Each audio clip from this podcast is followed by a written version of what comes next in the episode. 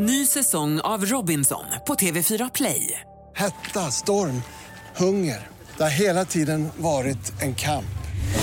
Nu är det blod och tårar. Fan händer just nu. Det. är Detta är inte okej. Robinson 2024, nu fucking kör vi!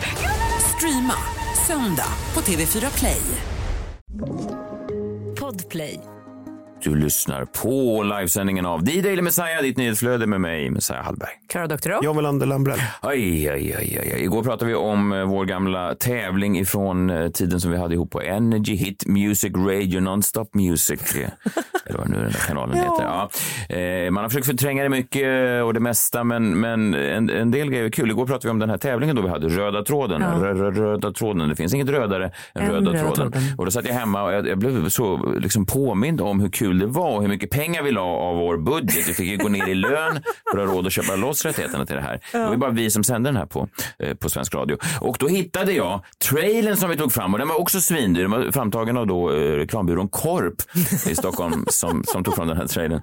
Eh, men den är riktigt bra faktiskt. Vi har inte, tävlingen är inte kvar, men kommer ni ihåg trailern? Ja, vagt ja. Jag tyckte den här trailern verkligen fångade vad som var så unikt och vad som var så spännande att man ibland satt med hjärtat i halsgropen när man tävlade då i röda tråden. Och tävlingen gick ut då på att man skulle, det var en, vi spelade upp tre låtar och så fanns det då en röd tråd mellan de här låtarna. Därav namnet, därav namnet. Och så hade vi den här trailern. Vi lyssnar på trailern då. Hela Sverige pratar om den. Succétävlingen som sveper över landet. Nu kan du vara med och skapa historia. Välkommen till Röda tråden! Tävlingen där du ska hitta en röd tråd mellan låtarna vi spelar upp och sen vinna storslagna priser. Det låter enkelt, men fallgroparna är många. Nej! Man vet aldrig vad som händer under en spelomgång. Men gud, det är ju överraskningar varenda minut! Spela Röda tråden endast på Energy Morgon. Fall inte för bleka kopior. Åh gud! Ah, vilka minnen va?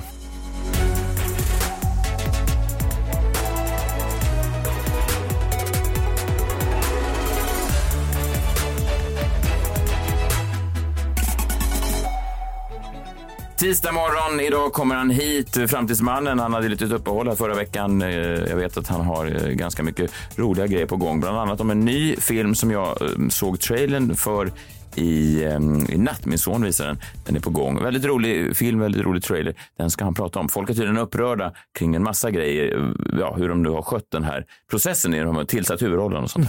Mm. Någonting annat chockerande som har hänt här igår, det var att de gick ut och sa att eh, Stefan och Christer, jag vet inte om ni har sett det här. Ja, det var sorgligt. Var det det tyckte du? Jo, men Stefan, att han ska gå i pension. Ja, precis. Det var det de sa. Att Stefan, för jag visste inte ens om det här. Stefan, en halva då av Stefan och Christer, går i pension. Men den andra, Christer då antar jag. Han hade gått i pension redan 2011, så nu i 11 år har man då kunnat boka bara Stefan i Stefan och Christer. Jaha! Det är inte samma man ser den sak. nya revyn, Stefan. Ja, nej, det är inte alls samma sak. Nej, det är inte samma sak. Det förklarar ju att man har sett mindre av dem som duo kanske. Men det jag Jag tänkte på också var att. Stefan känner man ju igen så här även när han har blivit äldre. Men Christer kände jag fan inte igen för jag var tvungen att googla på Christer efter det här. Jag undrar verkligen om du ser skillnad, om du kan peka ut vem som är Stefan och vem som är Christer. Ja, det kan jag. Men så här kan du det? Jag nej, kan det. verkligen inte. Jag kan knappt eh, peka ut vem som är Leif och Billy. K- Ja, men Christer var den med basken som skulle, som skulle se ut som att han var lite...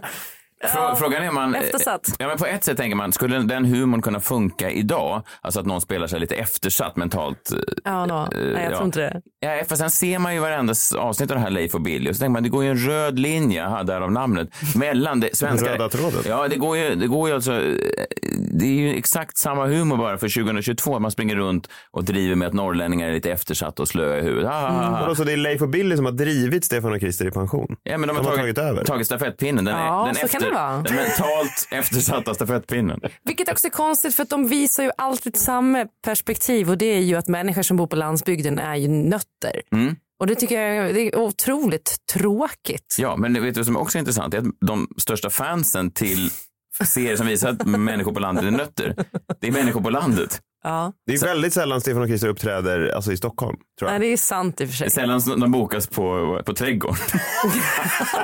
Daytime sessions på Trädgården med Stefan och Christer. Ja, nej, Jag tror ändå du har någonting. kan ju testa Det är en rolig bokning av dem. John, du kom också med lite breaking news precis. Ja, det här är verkligen eh, breaking news. Eh, Peter Gide har gått ut med att det blir en ny diabetesgala Ja, i höst, den Favorit. 13 november. Eh, Bi- Beat diabeteskampen för livet återvänder, skriver han då. 13 november på Viaplay. Och eh, ja, vi minns ju alla vad som hände förra året. Man får ju ge det till Peter Gide. Alltså, han har ju tagit på sig att dra in så mycket pengar som möjligt till diabetesforskningen. Han söker liksom med ljus och lykta efter kändisar då som har diabetes. Han gör lite kanske tvivelaktiga kopplingar där. Och så gjorde han ju då den här diabetesgalan förra året. På tal om stafettpinne då, så lanserade han ju förra året, jag vet inte om ni minns det här, vi pratade om det för ett år sedan, eh, en diabetesstafett. Mm. Och liksom, det här var ju vad som hände då när Peter Gide fick fria tyglar att göra ett tävlingsmoment kopplat till diabetes. Jag tyckte det var ganska roligt och vi kan väl lyssna på hur det lät förra året. Jajamensan, de verkar helt redo och jag också. Sista deltävlingen alltså en stafett uppdelad i tre stycken etapper. Den första här framför mig. Det gäller att med bokstäverna på bordet etablera en diabetesrelaterad mening. När du är klar med den så tar du dig vidare banan. Då handlar det om blodsockerkurvedelen. Och här gäller det att ta den här öglan genom den strömförande banan. Och så sist men definitivt inte minst så växlar man över en gång till. Och då vet ni att insulinet ska ta sockret in i cellen. Det är ju vad det handlar om. Så att vad gör Norge? De just nu transporterar de socker med hjälp av insulin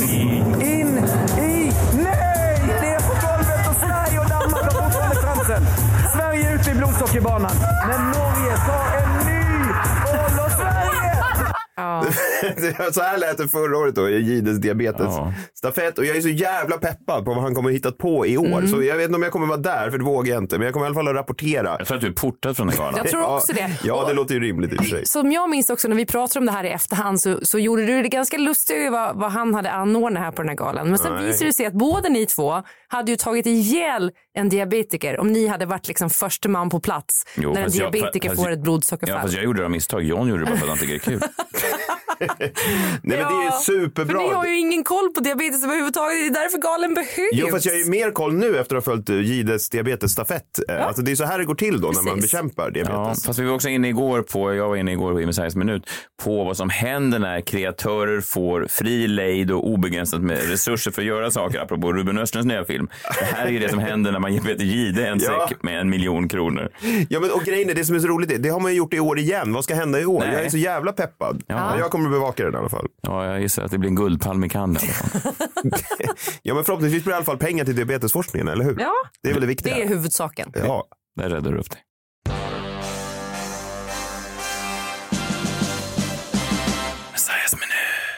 Jag är ju gammal journalist. Ibland är det lätt att att glömma bort det när jag är så hejdlöst rolig hela tiden. Men jag är ju sprungen ur ett väldigt seriöst en seriös yrkesroll och, och det var väl just som kanske krimjournalist och lite mer grävande reporter som jag ville göra en, eh, lämna ett, ett mark efter mig. Men du menar på Efterlyst?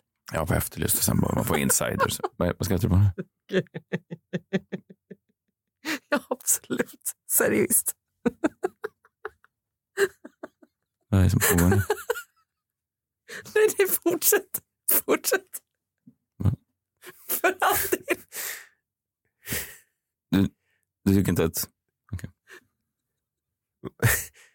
Skämtet var inte... Nej, jag fattar inte riktigt. Men... Ja, nej, nej, fortsätt bara. Ja. Du tycker inte att det är journalister som jobbar på det. Men vilka tror du jobbar på? Nu har Klara tappat det. Det här är sånt som händer om man ger Klara fria tyglar med micken. Ja, nej, men gud, det, det är superseriöst, absolut. Och Hasse Aro, alltså vilken journalist. Otrolig. Men, okej. Mm. Men vilka jo- journalister tror du jobbar på Efterlyst? Det är så här Valdo Kask, Viking Johansson, de har ju fått guldspadar för deras tid. Ja, okej. Jag, kan, jag Mm. kanske bara har dålig koll. Det låter så. Ja, strunt samma. I alla fall, sen har jag gått vidare och jag jobbar mycket med, med, med underhållning och det är lätt att glömma bort att jag, att jag är sprungen ur den, ehm, eh, ja, med den bakgrunden. Men ibland är det kul att återvända och idag har jag ett sånt där riktigt grej. Jag, jag, minns, jag vet inte om ni minns det här som 2001 så var det ju kravallerna vid EU-toppmötet i Göteborg. Minns ni det? Eh, Det var ju väldigt hetsigt. Då var det ju en, en kille bland som blev skjuten i magen av en polis, en svensk polis som sköt honom. Eh, Och eh, det kom ju fram då sen i Uppdrag granskning, Janne Josefsson ledde den undersökningen, som visade att svensk polis hade liksom klippt i materialet. Minns ni det här? Att de, hade, de hade ändrat ljudbilden bland annat. De hade lagt på Ein, zwei, Nazi-Polizei.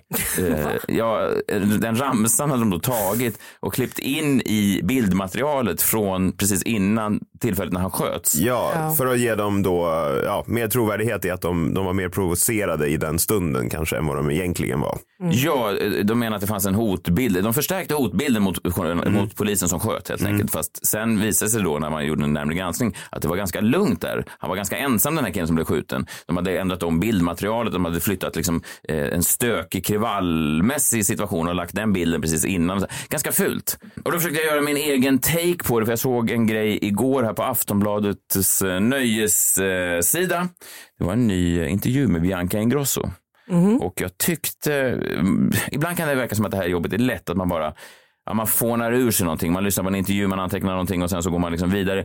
Eh, men det kräver eh, en jäkla massa research och det kräver också en, en, en, ja, men att man verkligen efterforskar och gör efterforskningar kring det man rapporterar om i den här podden. Och därför så, eh, ja, jag tror jag har inte sett någon annan rapportera om det här. Bianca Grosso blir intervjuad av en nöjesreporter som heter Nathalie Demirian. Hon är kompis med Tobbe Ek. Jag vet inte vad det betyder, men, men det, det är hon i alla fall. Det är väl i och för sig alla. I alla fall, så här låter det. Det är en lång, 21 minuter lång intervju. Vem blir nästa kille? Så jag har tagit fram så ett gäng yrken. Oj! Och tänkte höra om du på sannolikhetsskalan från ett, så här, ingen sannolikhet Okej. alls till fem, absolut. Otroligt. Bedöma sannolikheten på nästa kille utifrån yrke då. Ja. Mm, förstår ni premissen? Jag förstår. Ja, det kanske inte var så svårt. Nej, inte jätte. Nej, eh, hon säger då olika yrken och, och Bianca ska då sannolikhetsmässigt säga. Bianca förstår eh, reglerna typ, eller hon glömmer dem direkt. Men det är hon, sen får hon grepp om det. Så här låter det. Och I början är hon jävligt kvick, hon fattar direkt. Kock. Snälla, 100 procent. Femma alltså. Ja, fem. Ja, just det. Fem, fem, fem. Rappare. Wow, tre. Nej, shit, typ två. Skådis. Ja, skådis ja. Ja, ja, ja. Ja, fem, fem, fem. Det är rimligt. Rappare, kock. Vi- Vill de dejta dem? Sen skiftar det lite perspektivet, eller Bianca skiftar liksom perspektivet lite på vad hon tror att de här människorna ska göra för henne. Eh, här är en ny yr- yrkesgrupp som hon eh, betygsätter. Servicepersonal. Folk som jobbar i butik, servitör. Ja, älskar ju dem. Älskar dem, älskar dem. Fem. Ja, hon har glömt att det ska vara en, alltså en kärleksrelation. Ja, jag tror att hon bara, här bara tänker hon vad hon Hon tycker. recenserar yrket. Ja, fem gav hon servicepersonal. Hon älskar dem. Vi fortsätter. Hemtjänstpersonal. Ja, ja. Alltså, kan du städa min lägenhet? Det är klappat och klart. Fem. Jaha. Ja. Städ, ja. Men hemtjänst, jag tror... Ja, Hon just har ju det. råd också att köpa Ja, fast hemtjänst inte bara... Jo, fast hemtjänst är inte städ. Men varför ska hon då ha en partner som Nej, städar? där var du inne på något John. Hemtjänst är ju Nej, inte precis. städ. Eh, Men sen om vi lyssnar på hur intervjun fortsätter så, eh, ja precis, fem till hemtjänstpersonal och sen fortsätter då ljudklippet. Kan du städa min lägenhet? Det är klappat och klart. Fem. Vi har då Ja. fem bilder Ja. från Aftonbladets arkiv. Mm, de går vidare. Det är inget, inget konstigt här. Men om man då som jag har läst transkriberingen, textversionen av den här intervjun. Många säger, varför gör du det? Men vad är det som skiljer de riktiga journalisterna från sådana sillmjölkar som jobbar på Nyheter 24 och bara gör clickbait-artiklar? Det är sånt som jag gör, att man ser både videoversionen och man läser utskriften. Skulle man kunna kalla det kanske mitt Uppdrag granskning moment när jag upptäckte en, en lucka här, en, eh, en felaktighet, någonting som hade försvunnit. Precis som de på Uppdrag granskning då kom på att polisen hade förstärkt sina egna bilder så för, förstår jag här att någonting har skett. Någonting har skett med den här videoversionen. Någon från Bianca Ingrossos stab har hört av sig och velat ha en mening bortklippt.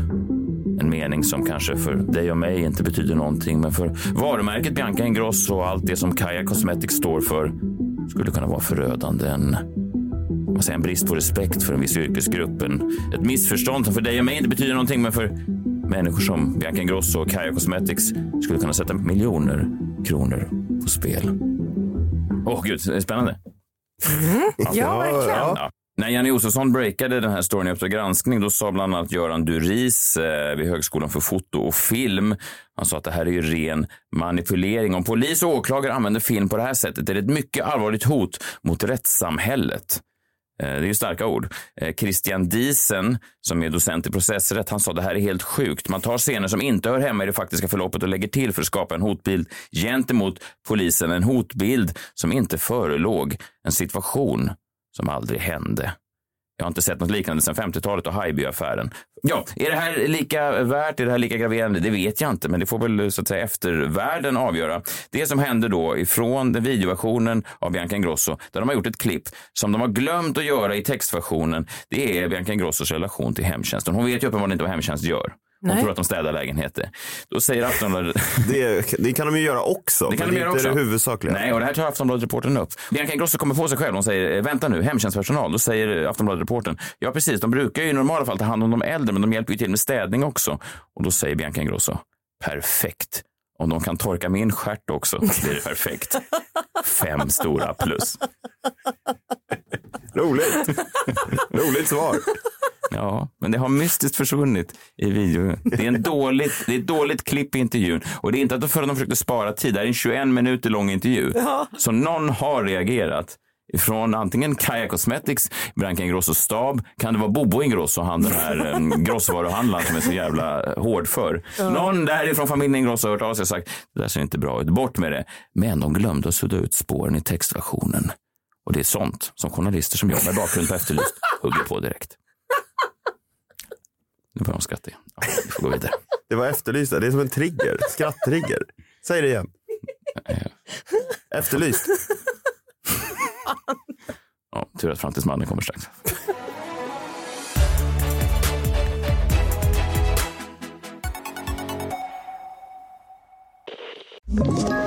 Ett poddtips från Podplay. I fallen jag aldrig glömmer djupdyker Hasse Aro i arbetet bakom några av Sveriges mest uppseendeväckande brottsutredningar. Går vi in med hemlig telefonavlyssning och, och då upplever vi att vi får en total förändring av hans beteende. Vad är det som händer nu? Vem är det som läcker? Och så säger han att jag är kriminell, jag har varit kriminell i hela mitt liv men att mörda ett barn, där går min gräns. Nya säsongen av Fallen jag aldrig glömmer på Podplay.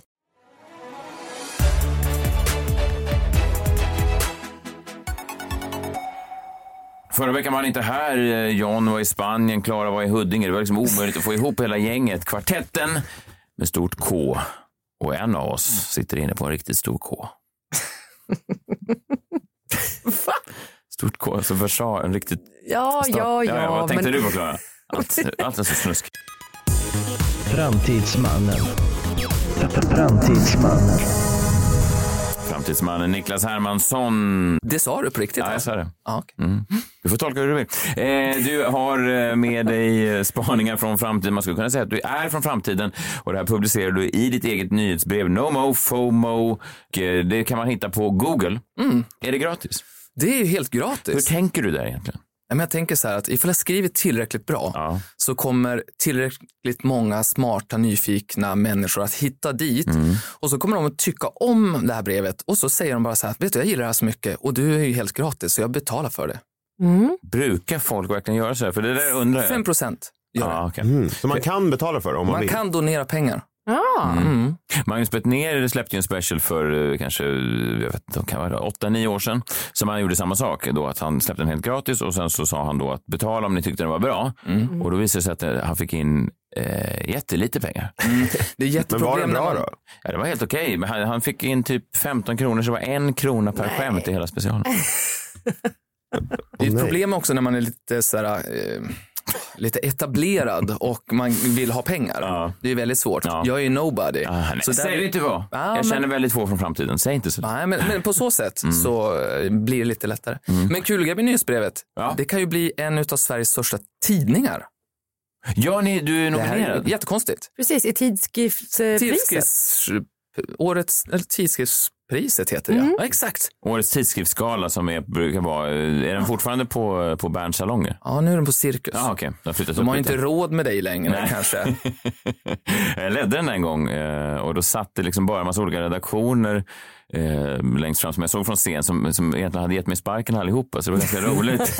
Jag fick upp och liksom, Gav inte vi den här killen sparken? ja, men det var liksom hela, vad du vet, Aftonbladet och Sveriges Radio och Nyheter 24. Fick jag gå upp och skaka hand med allihopa. Har du varit på alla de har fått sparken? Ja, det har jag nog. Eller sparken, så det lasats ut eller vad man nu blir. Man har inte hittat någon roll för dig där. Nej, exakt. Det, det är ju så med stora artister, man hittar ju sällan en roll. Ja, exakt, man behöver en fri roll. Ja, men verkligen så. Genom, genom en podcast. Genom en podcast. Men du är ju någon verkligen för att det är till och med så att eh, John här, eh, John Wilander Lambrell, han har till och med han var i Spanien då i två veckor och försökte, Sjukt. försökte liksom leta reda på någonting som han kunde bidra med som skulle ge dig gåshud, som kunde ge dig rysningar, som kunde gö- göra att han också fick kliva in i framtiden med dig. Ja, men du, du skrev ju om det här till mig. Det här är framtiden, skrev du. Ja, men jag tror att jag hade mitt livs första framtidsupplevelse. Men det, måste, det får ju du Niklas Mm. liksom, säga om jag hade det eller inte. För det jag åt i helgen så Mm. åt jag eh, 3D-printat låtsaskött. Va? Har du hört talas om det? Ja, jag, Finns det? Otroligt. Hur smakar det då? Ja, men det smakade faktiskt väldigt gott och eh, ja, men först och främst, jag förstår inte riktigt vad det betyder att det är 3D-printat låtsaskött. Eh, det, Jag, jag pratade om det här förra veckan, att man skulle 3D-printa kakor. Mm. Ja, jag vet, men, men jag förstår inte ens vad 3D-printer är. Är det en, en printer som skriver ut ett I hologram? 3D. Jo, Nej, inte Nej, en inte ett hologram. hologram. Alltså du kunde ju äta den här steaken då. Ja. Det var ju en vegetarisk steak. Är det lika svårt att få uppkoppling på en 3D-printer?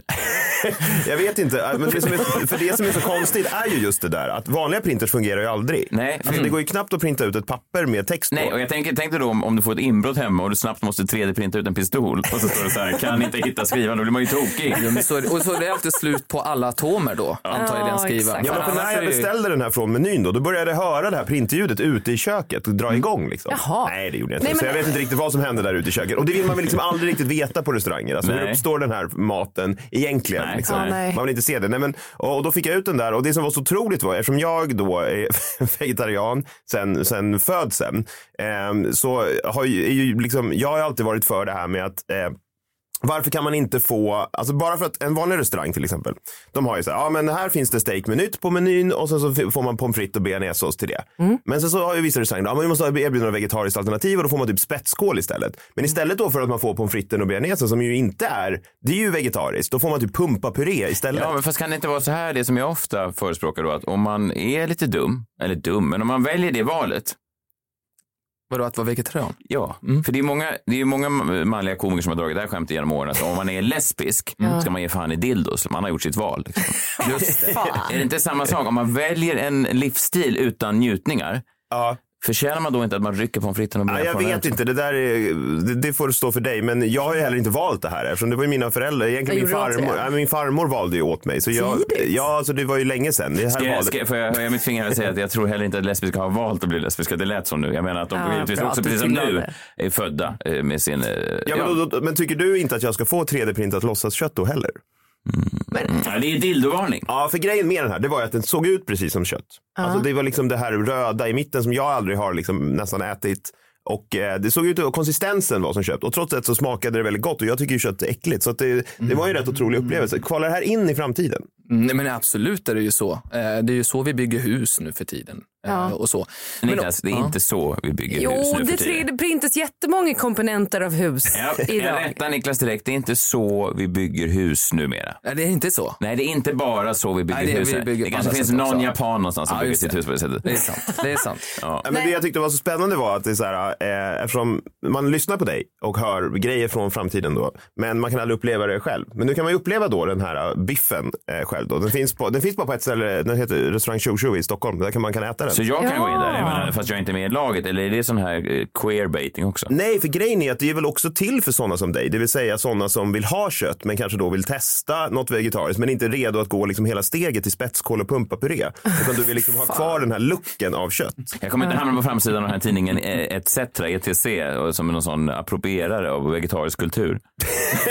jo, det Men det hoppas jag. Jag hoppas också att de vinner tidskriftspriset då. Det är ju för sådana som oss som äter kött egentligen som, som den här biffen är. Mhm. Jag har ju läst länge om att det finns labbodlat kött men just 3D-printet visste inte jag att det fanns att köpa på restaurang. Men Fast då är det ju den labbodlat kött är ju kött. Det här är ju inte kött. Nej, Är du du menar att Det det är här är fortfarande vegetariskt? Det är fortfarande vegetariska proteiner? Ja, för så det- labbodlat kött är ju det fast bara att inget djur har ju kommit till skada. För att du har ju Eh, labb, du, nej, har, du har odlat från stamceller. Nej, det är sant, men du äter ju fortfarande djur. Men är du säker på att det här inte var Nej, djurprotein? men hela den här restaurangen är vegansk, så ja, i sådana fall har de ju lurat mig då. Men jag tänker också att det är lite grann som du säger Klara, att det här är framförallt för att få oss som äter kött då att sluta äta kött. Ja.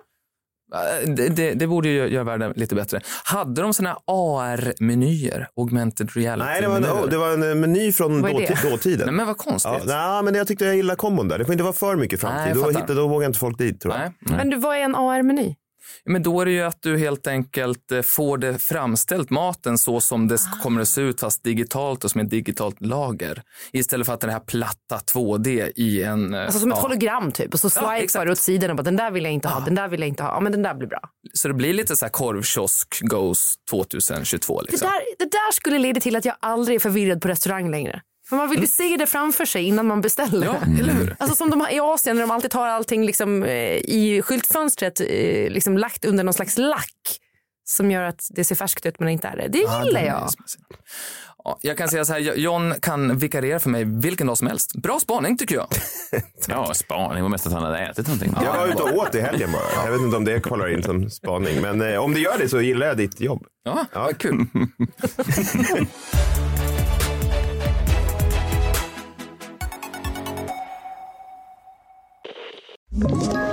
Ett poddtips från Podplay. I fallen jag aldrig glömmer djupdyker Hasse Aro i arbetet bakom några av Sveriges mest uppseendeväckande brottsutredningar. Går vi in med hemlig telefonavlyssning och, och då upplever vi att vi får en total förändring av hans beteende. Vad är det som händer nu? Vem är det som läcker? Och så säger han att jag är kriminell, jag har varit kriminell i hela mitt liv men att mörda ett barn, där går min gräns. Nya säsongen av Fallen jag aldrig glömmer på Podplay.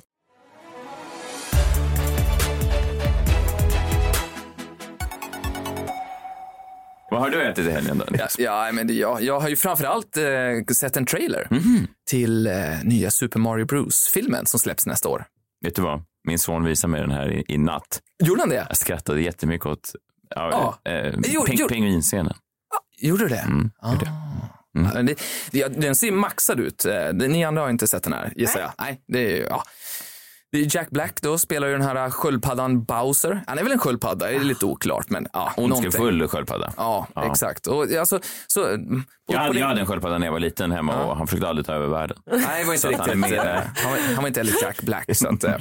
Men det finns ett stort problem då med den här filmen eh, som har gjort att det blivit liksom ramaskri och det är ju då att det är Chris Pratt som spelar Super Mario. Eh, Det är han från de här Jurassic Park-filmerna och superhjältefilmerna. Det är bara det att Super Mario-fansen var ju supertaggade på det här länge och så är det då Chris Pratt som är ju en av de plattaste skådisarna någonsin som ska göra det här och han kör inte då italiensk dialekt. Så att det är liksom hur han pratar som de är förbannade på. Jag tänkte jag tog med mig ett, ett väldigt kort klipp. Så vi lyssnar på de första orden då när man får höra Super Mario. Hur låter Super Mario? Alltså man är ju så nyfiken på det ju. Ja.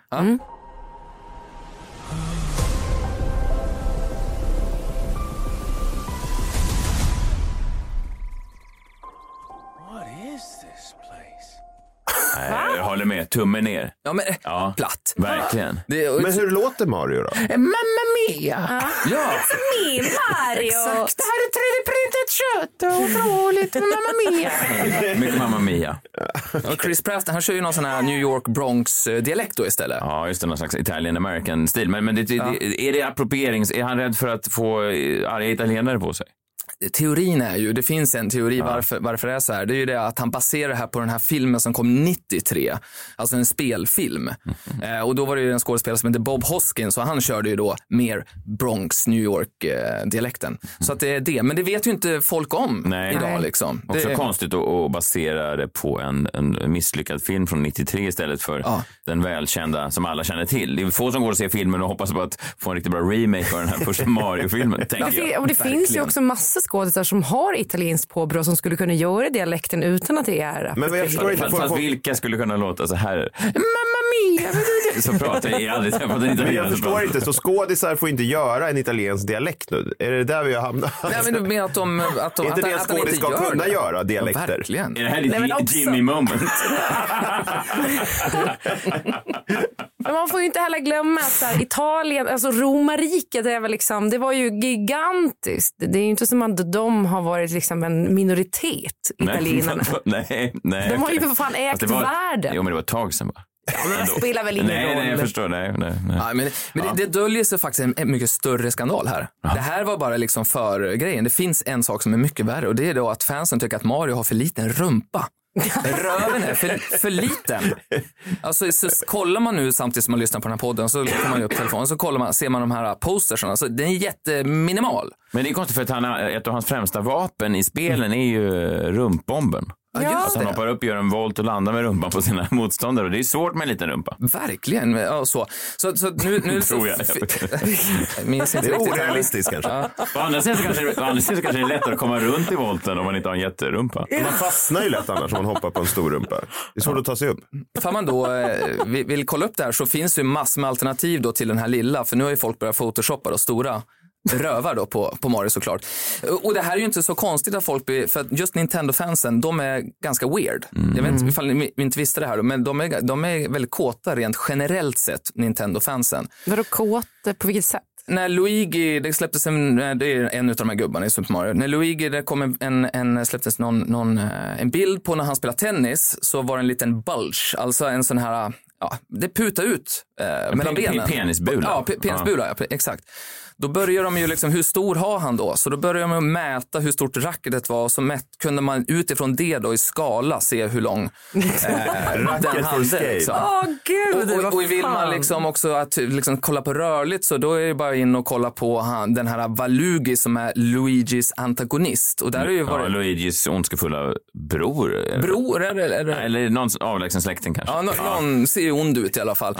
Och det där blev en jättestor eh, grej på TikTok. Så där är ju massor med kvinnor och tjejer som helt enkelt kör sexy moves eh, och har klätt ut sig då Mm. till eh, den här. Så att det finns, eh, här kan man hoppa ner i kaninhålet ifall man vill. Vill man det? Jag vet inte om man Nej, vill det det. låter, ja. det Nej, låter det- som att det tar mycket tid. Om Så man ska hålla på att göra. Vad, vad jag tror i alla fall, jag tror att de kommer behöva omge ganska mycket här i Super Mario. Det, det gjorde de med Sonic-filmen, de släppte ut lite bilder och så visade det sig att nej men fansen gillar inte det här, den här looken och så vidare. Nu kommer de, att behöva göra exakt samma sak och därför så släpper de bilderna tidigt och ganska, eh, ganska sent nästa år kommer filmen och då har de ju tid på sig att fixa. Sonic-filmen, den första i alla fall, är väldigt rolig. Faktiskt. Så att Den är jag, jättebra. Ja, hoppas Mario kan, kan närma sig den. Men det är en av Johns favoritfilmer faktiskt. Kommer det vara en riktig, vad fan är det, hedgehog som spelar Sonic då? Alltså Nej, som man inte var- approprierar? Nej, det var en, en, den var 3D-framställd. Ja, 3D-printad? Kanske. Ja, Shit, redan då? Ja, men det var ju allt jag hade. Jag antar att du, nu kommer jag väl kicka ut mig som vanligt då. Och då har jag, det folk har sagt att jag drar upp någon gylf här i slutet. Mm, ja. Ja, det låter så. Jag vet inte vad du gör, men det låter verkligen som att du... Jag säger, det är alltid så här, tack och hej. Och sen så börjar du hålla på och pula med din mantel Ja, och, och, och rycka grejer. Och sen så kommer det här ljudet som jag inte vet var det kommer ifrån. Och så det sista man hör är bara rich. Och då tänker jag att du är klar på något sätt. Ja, men- Men ja, har folk börjat alltså, försöka mäta och sådär? Ja, nej. men, nej, men det som har hänt, det är ju att det blivit inne att gå med alltså knappen uppe och gylfen uppe. Otroligt. New York Times har skrivit om det här. De har gjort det? I är- framtiden? Alltså, nej, men det här har ju hänt därför att jag, framtidsmannen, drar upp och ni håller på och berättar det här hela tiden. I framtiden kommer alla gå med gylfen nere. Ja, och nu har New York Times skrivit om det här i alla fall. You shouldn't fit into your cloth. Your cloth should fit you. Otroligt. Ja, ja, men, ja, men vi testar nu då. Här är han om ni ser det på stan. Folk som kommer byxorna ner och gylfarna upp. Kom bara ihåg vem som gjorde det först. Vi ses nästa vecka. Otroligt, nu är han borta. Och att han det. är som föregångare även modemässigt, det visste man inte riktigt. Otroligt. Ja, det är fasen otroligt. Eh, vi är tillbaka imorgon. Vad kul att du fick in en egen framtidsnyhet med Framtidsmannen. Jag är oerhört taggad. Jag alltså, känns som att jag har varit i framtiden för första gången. Och jag är faktiskt lite sugen. Jag är ju ofta att jag, du vet att jag raljerar och du tycker det är lite kul också. Vi ger och tar med det här. Jag tycker Ja. aldrig att det är kul. Men alltså vi måste ju gå och smaka på den här biffen. Så att vi kan säga också utifrån köttätarperspektivet om den smakar som en riktig biff. Köttätarperspektivet. Och jag tycker aldrig det är kul att det är så mörkt. Du skrattar ju gott ibland när vi är nere i Texas. Och vi, vi, när vi blir liksom ett gäng som skrattar åt att dina beställningar. Jag och personalen. Att man, Nej. Men, men så här, han sa alltid, om jag är inne på något jävla barbecuehus och jag säger så här, har ni något som inte är kött? Och då börjar personalen börja skratta. Och Messiah ska, det är han som liksom leder skrattet. Ja. Alltså titt, pekar på mig. Titta, honom, han ska ut. Alltså, Jävla och det- ut kompis. och det menar du tycker du inte är kul alls? Nej, såklart inte. Det har jag sagt till dig i 30 år och det är därför jag inte vill ha med dig till en vegansk restaurang. För du kommer bara sitta och raljera. Nej, det kommer jag verkligen inte. Jag är sugen på det här. Eh, Men eh, ja, jag ska inte äta där idag för nu ska jag gå hem och lägga mig tänkte jag. Men vi, vi hörs imorgon då. Och ni som lyssnar, vi hörs imorgon. Då är det onsdag och då blir det lite allt möjligt kul. Ja, men det blir det. Du bad ju mig sammanställa en lista på saker jag hatar med Sevilla. Är du klar med den? Den är klar imorgon. Det tog lite tid, för det var ju ändå sju grejer jag ska komma på. Det är Ja. inte så lätt. Verkligen Jag tycker ju om stan. Och jag vill inte att du ska jobba ihjäl Vi hörs imorgon. Hej då. Hej! Det är inte ett jättelätt jobb. Nej.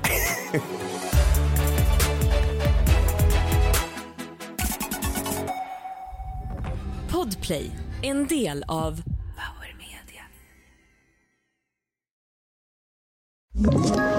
Ett poddtips från Podplay.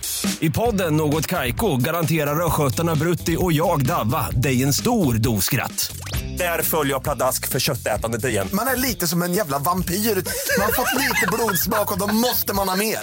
Udda spaningar, fängslande anekdoter och en och annan arg rant.